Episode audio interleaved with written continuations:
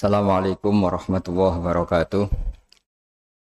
Alhamdulillahirabbil alamin wassalatu wassalamu ala asyrafil mursalin sayyidina Maulana Muhammadin wa ala alihi washabihi asmain nama ba'du.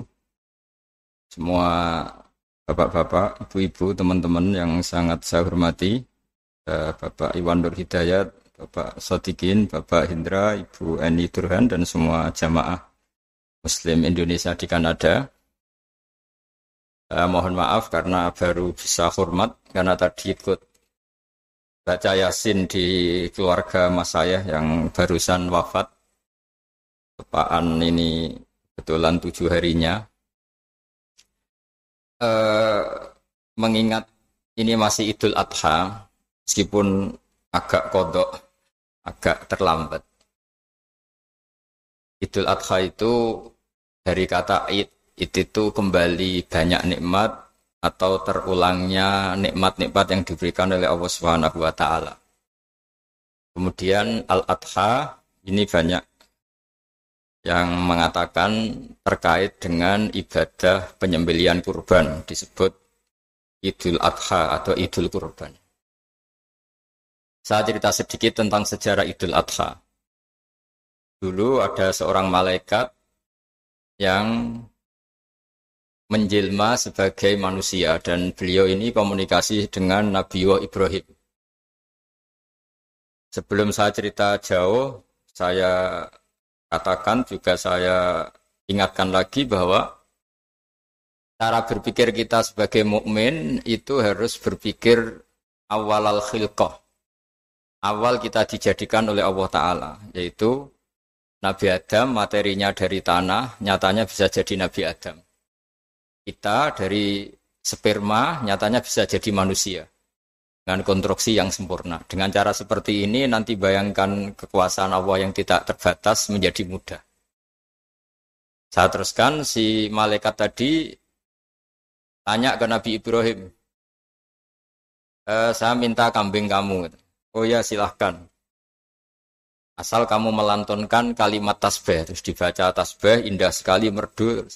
Bisa minta tambahan kambing ya. Sampai beberapa kali. Demi Allah, ini baru kambing, baru hewan. Andekan anak saya pun kalau demi Allah saya kurbankan. Singkat cerita, versi riwayat ini, suatu saat Nabi Ibrahim diuji dengan dimintanya anak untuk dikurbankan.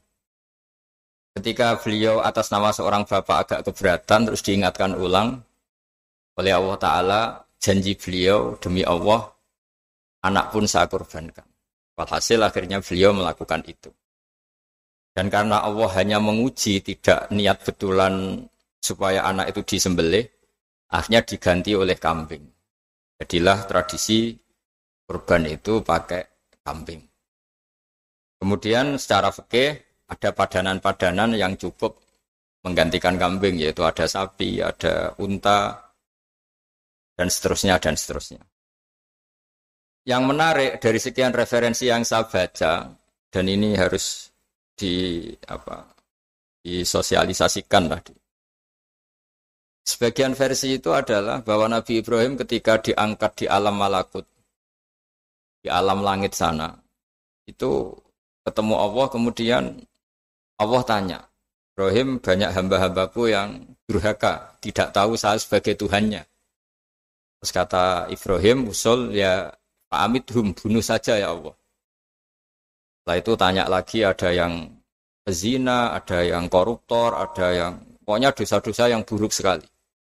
Dan di semua itu Nabi Ibrahim usul mereka hidup di bumi engkau ya Allah, makan rezekimu ya Allah, maka mereka nggak sopan sekali, nggak ngerti engkau terus. Singkat cerita minta itu diadab, siksa. Suatu saat versi referensi ini di kitab Hikam, kalau di kitab saya halaman 15 juz 2, suatu saat Nabi Ibrahim itu diminta sama Allah menyembelih Ismail. Citra ini penting sekali. Setelah disuruh menyembelih Ismail, Nabi Ibrahim komplain. Ya Allah ini anak saya, samrotu fuadi, buah hati saya, kenapa engkau seenaknya minta saya sembelih? Gitu. Gak bisa ya Allah ini samrotu fuadi, buah hati saya. Terus kata Allah, orang-orang yang durhaka yang kamu usulkan supaya saya bunuh itu hamba saya. Saya menciptakan mereka. Dan saya mencintai mereka karena itu ciptaan saya. Anda enak saja usul saya matikan, saya bunuh. Sekarang ketika Anda usul, saya tidak mikir. Kenapa ketika saya usul kamu mikir? Terus akhirnya Nabi Ibrahim mau oke ya Allah terus. Setelah itu terus semenjak itu Nabi Ibrahim itu begitu sayang sama hamba-hambanya Allah. Sehingga dari cerita yang paling masyur ketika Abu Bakar As-Siddiq begitu lemah lembut sama hamba-hamba Allah yang lain, Nabi Muhammad mensepadankan dalam hal ini sama Nabi Ibrahim, hati kamu sehalus Ibrahim. Yaitu Nabi Ibrahim, beliau akhir-akhir punya komitmen, faman tabi'ani fa innahu minni wa man asani fa innaka ghafurur rahim. Ya Allah, orang yang ikut sunnahku, maka jelas bagian dari saya.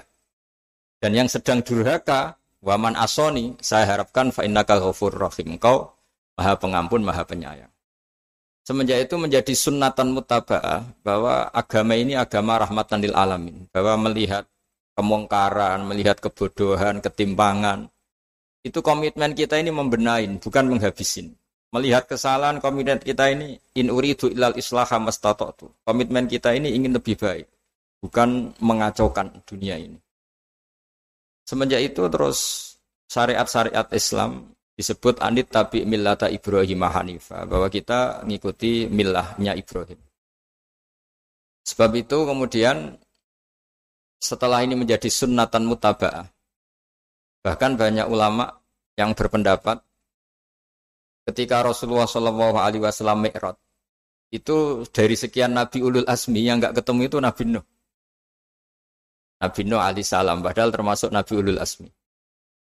Itu banyak yang menganalisis karena Nabi Nuh itu pernah berdoa Rabbi la tadhar alal ardi minal kafirina dayaro. Nabi Nuh adalah nabi yang pernah Toro Jawa masuk no kaumnya, mendoakan buruk sama kaumnya dan itu tidak manhat, tidak metode yang Nabi Muhammad disuruh ikut metode itu, tapi Nabi disuruh eh, ikut manhat atau pola pola sosiologi, pola dakwah atau pola sosial yang harus mengikuti Nabi Ibrahim anit tabi milata Ibrahim Hanifah. Nabi Ibrahim itu orang yang sangat lemah lembut yang ngendikan faman tabi'ani fa innahu minni wa man asani fa innaka ghafurur rahim.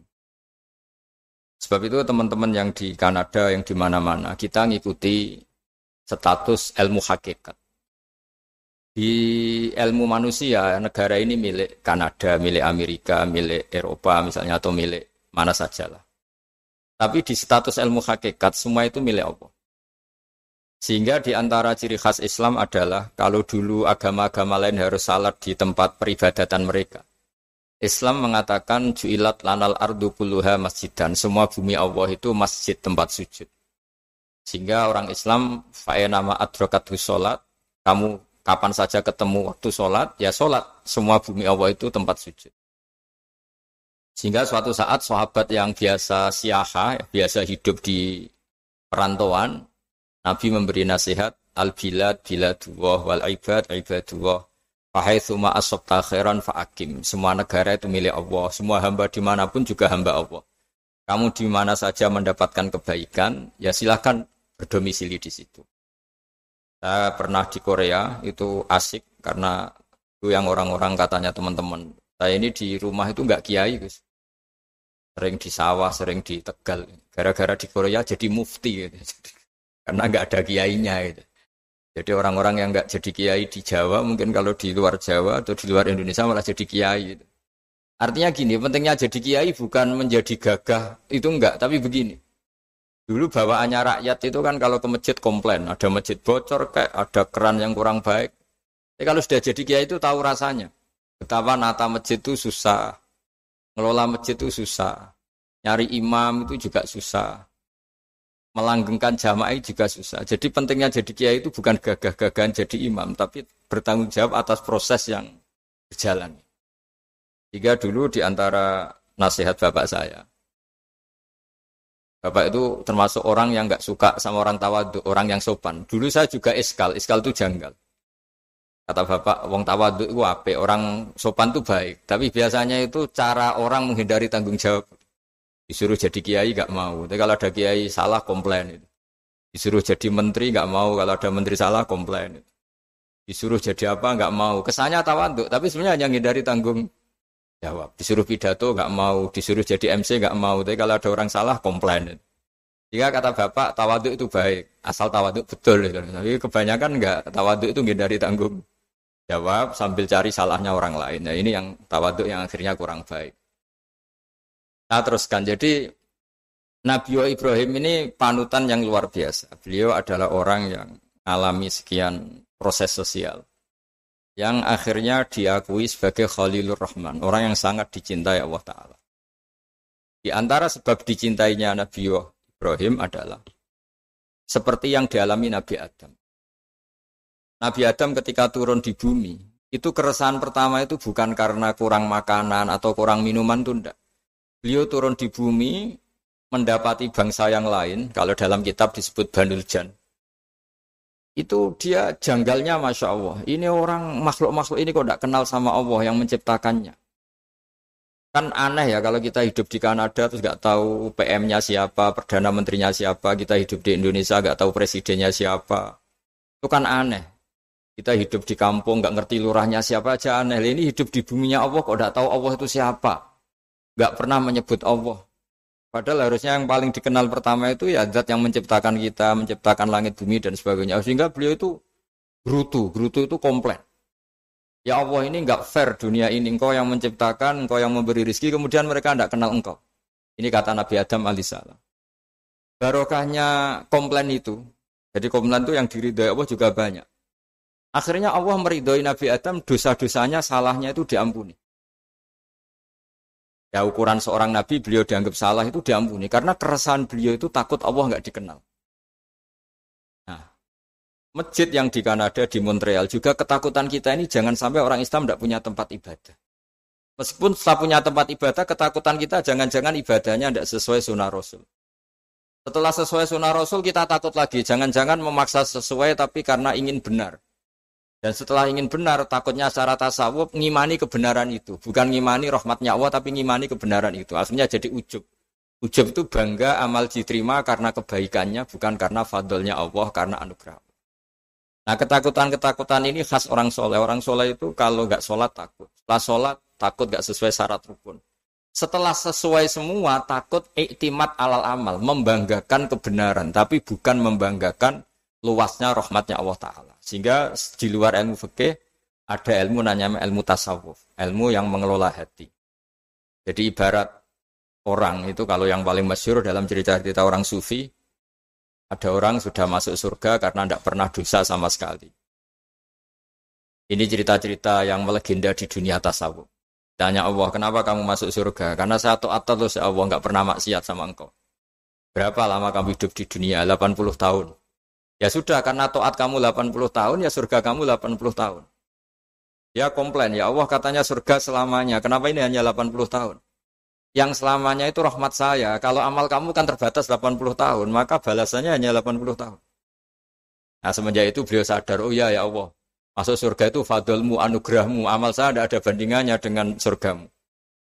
Nah ini jadi sehingga keyakinan ahli sunnah wal jamaah di antara ciri khasnya adalah masuk surga itu karena fadlnya Allah, karena anugerahnya Allah. Maksudnya itu oke okay, kita amal, tapi amal kita tetap terbatas. Tidak memberi kontribusi pada kerajaan Allah, pada kedikjayaan Allah sebagai Tuhan. Yang tidak terbatas adalah fadlnya Allah Subhanahu wa taala. Nah, keresahan-keresahan ini kemudian yang diwariskan oleh para nabi ke ulama-ulama. Di keresahannya ulama itu mirip-mirip keresahan nabi. Nabi dulu itu sampai dakwah, sampai sosialisasi kebenaran itu takut Allah itu la yuskaru fi mulki. Allah tidak disebut. Tidak menjadi aktor. Kan tidak fair kita misalnya nempat di negara orang terus nggak tahu duta besarnya siapa, terus kalau ngurus paspor di mana, ngurus visa di mana. Ini sama. Kita hambanya Allah tapi nggak pernah ngurus status kehambaannya. Harusnya kita ngurus status kehambaan kita dengan sholat, berarti kehambaan kita hidup dengan baca tasbih berarti kehambaan kita hidup. Makanya dalam sebuah ayat disebutkan masuk surga itu gampang. Yang susah itu kamu masuk status kehambaan itu. Makanya disebut ya aja Tuhan nafsul mutmainnah irji'i ila rabbiki radiyatan mardiyah. Pertama apa? Fadkhuli fi ibadi. Kamu harus masuk status sebagai hambaku dulu. Baru wadkhuli jannati, baru kamu baru masuk surga. Jadi orang boleh nikmati fasilitas negara lain kalau visa paspornya disahkan. Orang boleh masuk surga kalau status kehambaannya disahkan oleh Allah Subhanahu wa taala. Nah, lalu status kehambaan itu dimulai dari mana? Secara fisik kita sujud. Anggota tubuh yang begitu terhormat namanya kepala kita tundukkan kepada Allah taala. Hati kita, akal kita yang ingin menguasai dunia misalnya, ambisi itu kita kalahkan untuk hanya tunduk kepada aturan-aturan Allah Subhanahu wa taala. Kekhawatiran kita akan menghadapi alam akhirat, nah ini yang penting. Nanti setelah kita mati kayak apa, jadi debu, jadi tanah, lalu bangkit kita gimana? Sebagaimana mukadimah saya, ingatlah anas atil ula. Ingatlah penciptaan pertama, bahwa Allah punya reputasi menciptakan Nabi Adam dari tanah, dan di tubuh Nabi Adam itu tersimpan calon generasi berikutnya ilayomil kiamah. Kayak apa susahnya bikin Nabi Adam kalau andikan kita boleh berpikir. Bikin satu master manusia yang akan melahirkan manusia seluruh dunia. Ibaratnya chipnya itu sudah ada di punggung Nabi Adam. Dan itu materinya dari tanah. Dengan berpikir gitu, maka ketika kita meninggal, sudah jadi tanah, kembali lagi jadi manusia adalah hal yang mudah. Karena Allah punya reputasi menciptakan manusia super yaitu Nabi Adam dari tanah. Jika setiap kali kita iskal janggal terhadap kekuasaan Allah, kata Allah Ta'ala, halladhi ansha'aha awwala. Kalau kamu janggal terhadap kemampuan saya, kemampuan kami menghidupkan tulang belulang yang sudah rapuh, sudah hancur, maka ingatlah reputasi saya, kata Allah, reputasi kami menciptakan Adam dari tanah. Ya, para nabi itu ini semoga teman-teman yang di Kanaja masih ingat betul iman yang dilatih para guru kita di Jawa, di Indonesia. Para nabi itu saking imannya sama Allah, itu tidak ada sampai kasarnya itu nggak tahu bedanya antara hal itu masuk akal maupun tidak. Saya beri contoh begini, kalau dalam ilmu tauhid dan ini harus kita latih terus sampai ketemu Allah Taala ketika telur jadi ayam, itu sebetulnya itu kita juga tidak ikut mampu bikin telur jadi ayam. Tapi berhubung sering terjadi, kita bilang telur jadi ayam itu mungkin. Mungkin itu ya mungkin sering terjadi. Padahal sering terjadi ini juga tidak yang jenis kita ikut berkontribusi. Lalu ketika sering terjadi ini kita bilang itu mungkin. Padahal saat kita bilang mungkin, juga hakikatnya kita tidak ikut menciptakan telur menjadi ayam. Lalu karena seringnya telur jadi ayam kita bilang telur jadi ayam itu mungkin, mungkin itu gak muhal. Begitu juga bebijian, nanti jadi pohon besar yang rindang, yang berbuah kita katakan mungkin. Kenapa kita katakan mungkin? Karena itu sering terjadi. Toh kita pun tidak ikut menciptakan biji jadi pohon besar, telur jadi ayam. Artinya apa? Zaman sesuatu itu sering terjadi, kita pun sebetulnya tidak pernah ikut menciptakan. Hanya menyaksikan sering, terus kita bilang itu mungkin. Tapi kita tidak memberi kontribusi sama sekali. Semua itu karena kudrohnya Allah, kemampuan Allah. Lalu ketika ada orang yang bilang batu ini bisa melahirkan onta. Kita bilang mohal, batu itu tidak mungkin melahirkan onta. Tapi kalau seorang nabi itu nggak tahu bedanya antara batu melahirkan unta dengan indukan unta melahirkan unta. Karena nabi-nabi itu makomnya sudah sangat tinggi. Ketika unta induk melahirkan unta juga tidak atas kemampuan unta induk. Unta induk tidak punya kemampuan menciptakan unta. Juga karena kudrohnya Allah Ta'ala. Sehingga kalau batu mengeluarkan unta juga mungkin kalau Allah menghendaki. Hingga ketika Nabi Soleh diminta kaumnya, apa bukti engkau Nabi? Tunjukkan ayat kalau engkau nabi. Yang kamu minta apa? Seekor onta keluar dari batu besar ini. Nabi Soleh dengan entengnya berdoa sama Allah dan keluarlah onta keluar dari batu. Nah itu makom yang paling tinggi. Makom paling tinggi itu kita mendudukkan Allah sebagai zat yang tidak terbatas kudrohnya. Hingga para nabi itu terus punya mujizat. Nah mujizat itu untuk mengingatkan ulang bahwa Allah itu tidak terbatas kemampuannya. Bagaimana unta keluar dari batu besar zaman Nabi Soleh, zaman Nabi Muhammad air keluar dari jemarinya Rasulullah Wasallam, Nabi Ibrahim dibakar tidak mempan, tetap sehat, tetap bugar. Karena semua ini sebagai bukti bahwa kudrohnya Allah tidak terbatas. Nah, iman-iman seperti ini harus kita jaga. Apa pun rasionalitas kita dan meskipun kita selalu rasional, tetap menyisakan iman bahwa kudroh Allah itu tidak terbatas.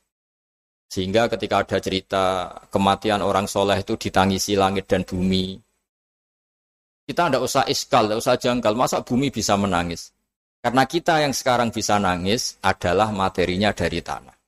Materinya dari bumi. Terus iman ini kita jaga sehingga kalau kita yasinan masih ingat Allah kalau mengingatkan kudrohnya yang tidak terbatas manusia disuruh ingat Qul yuhyihalladzi ansha'aha awwala. Kamu harus ingat bahwa Allah itu yang menghidupkan kamu, menghidupkan semuanya ketika kamu belum menjadi seperti ini. Jadi intinya itu kita ingat meskipun telur itu lazim jadi ayam, tetap tidak karena kudrohnya ayam itu, tapi karena kudrohnya Allah. Indukan unta melahirkan anak unta juga bukan kemampuan indukan unta, karena ini juga makhluk yang lemah, tapi juga kemampuan Allah Subhanahu wa taala. Jika dengan demikian kita termasuk hamba Allah sesuai target yang diingatkan Allah Falam mata bayana lahu kola a'lamu anna ala kulli syai'in qadir. Hamba Allah yang baik adalah hamba ketika menyaksikan fenomena apa pun semua itu lita alamu anna ala kulli syai'in qadir wa anna qad ahata bi kulli syai'in ilma. Apa pun di alam raya ini semuanya itu bukti bahwa Allah ala kulli syai'in qadir, Allah kuasa dan Allah meliputi semua makhluknya dalam pandangannya, dalam pantauannya. Jadi saya mohon teman-teman yang di Montreal, yang di Kanada juga di mana pun harus ingat status hakikat bahwa al bilad biladullah wal ibad ibadullah fahaitsuma asabta khairan fa'akim. Negara hakikatnya milik Allah, semua hamba juga milik Allah. Di mana saja kamu berada dan menemukan kebaikan, silahkan hidup di situ. Tentu dengan sosialisasi yang baik, baik dengan non muslim maupun dengan muslim, karena Allah mengajarkan waqulu nasi husna. Ajaran Islam adalah rahmatan lil alamin, rahmat bagi semua. Tentu tidak henti-hentinya kita menjelaskan kebenaran yang diinginkan oleh Allah Subhanahu wa taala. Uh, saya kira demikian karena saya juga ini di sini sudah malam.